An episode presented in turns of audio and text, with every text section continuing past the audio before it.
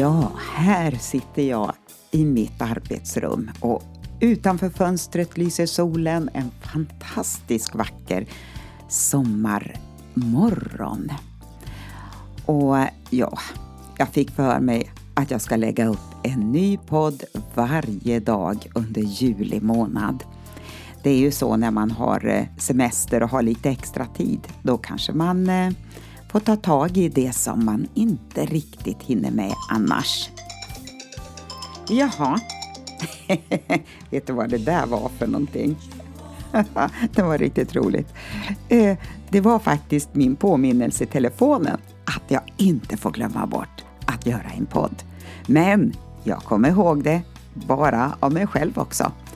Känn dig riktigt välkommen. Jag heter Eleonora Lahti och du lyssnar på In My Living Room.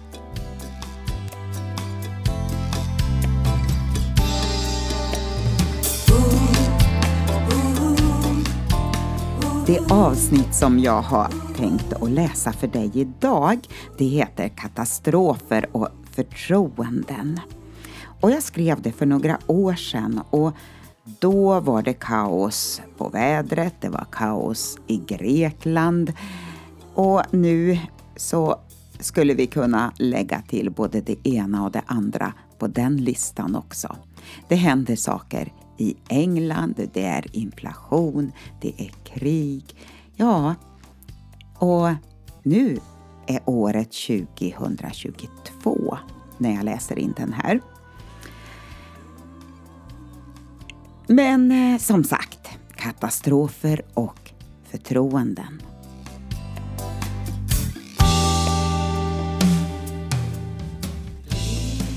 Vi lever i ett eh, nu. Tiden är helt annorlunda. Och det är inte bara vädret och olika länder som är våra katastrofer. Det är mycket surr och skrän också. Och jag undrar, vad viljan tagit vägen? till att eh, hmm, Andens frukter i våra liv ska växa till. Många mänskliga herrar som utifrån sina mänskliga perspektiv försöker pådyvla, kräva, analysera, förkasta, dölja, förlöjliga ett och annat. Det är som om eh, katten har släpat in råttan. Men eh, det finns något som är något helt annat. Det har inte att göra med mänskliga prestationer, talanger, uppfostran eller sinnelag att göra. Det handlar om att vi har en Herre som genom vår pånyttfödelse kan låta Andens frukter få växa och influera i våra liv. Och eh, det här vill vara en förvandlande kraft som driver undan all form av rädsla också. Och vi kan be för ett och annat och älska våra ovänner. Och du, det är inte samma sak som att bara hålla med. Den kärleken i Andens frukter, den är tålmodig och god, inte stridslysten, inte utmanande och självisk. Den söker inte sitt. Ja, tyvärr har en del fått för sig att man kan resonera och analysera sig till egna slutsatser. Som kanske borde stämma bra med det kristna budskapet. Tror man. Men man kan inte blanda ihop mänskliga prestationer, talanger och sinnelag och tro att det är Andens frukter. Man kan liksom inte göra hur som helst som man tycker det passar. Visst behövs goda mänskliga krafter också, annars vore det ju helt förskräckligt runt omkring oss. Vi fortsätter träna och fostra våra barn, uppmuntra gott beteende och vägleda till goda samhällsmedborgare. Och i skolan så har man någon form av livskunskap i sin undervisning. Men Andens frukter, det är något som den helige Ande producerar i en pånyttfödd människa. När vi överlåter oss till honom. Det handlar om vem vi har gjort till Herre i våra liv. låter vi människan själv vara herre, eller? Och visst kan vi frisera ett och annat, men det är inte samma sak.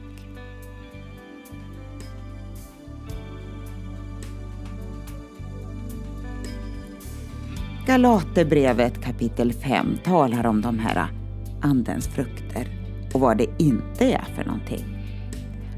Lösaktighet, fiendskap, vredesutbrott, gräl, splittringar, villoläror, illvilja, fylleri, utsvävningar. Eller det kan vara kärlek, glädje, frid, tålamod, vänlighet, godhet, trohet, mildhet, självbehärskning. Ja, det är anden och köttet. Den helige Ande som Herre eller människans fallna natur som Herre.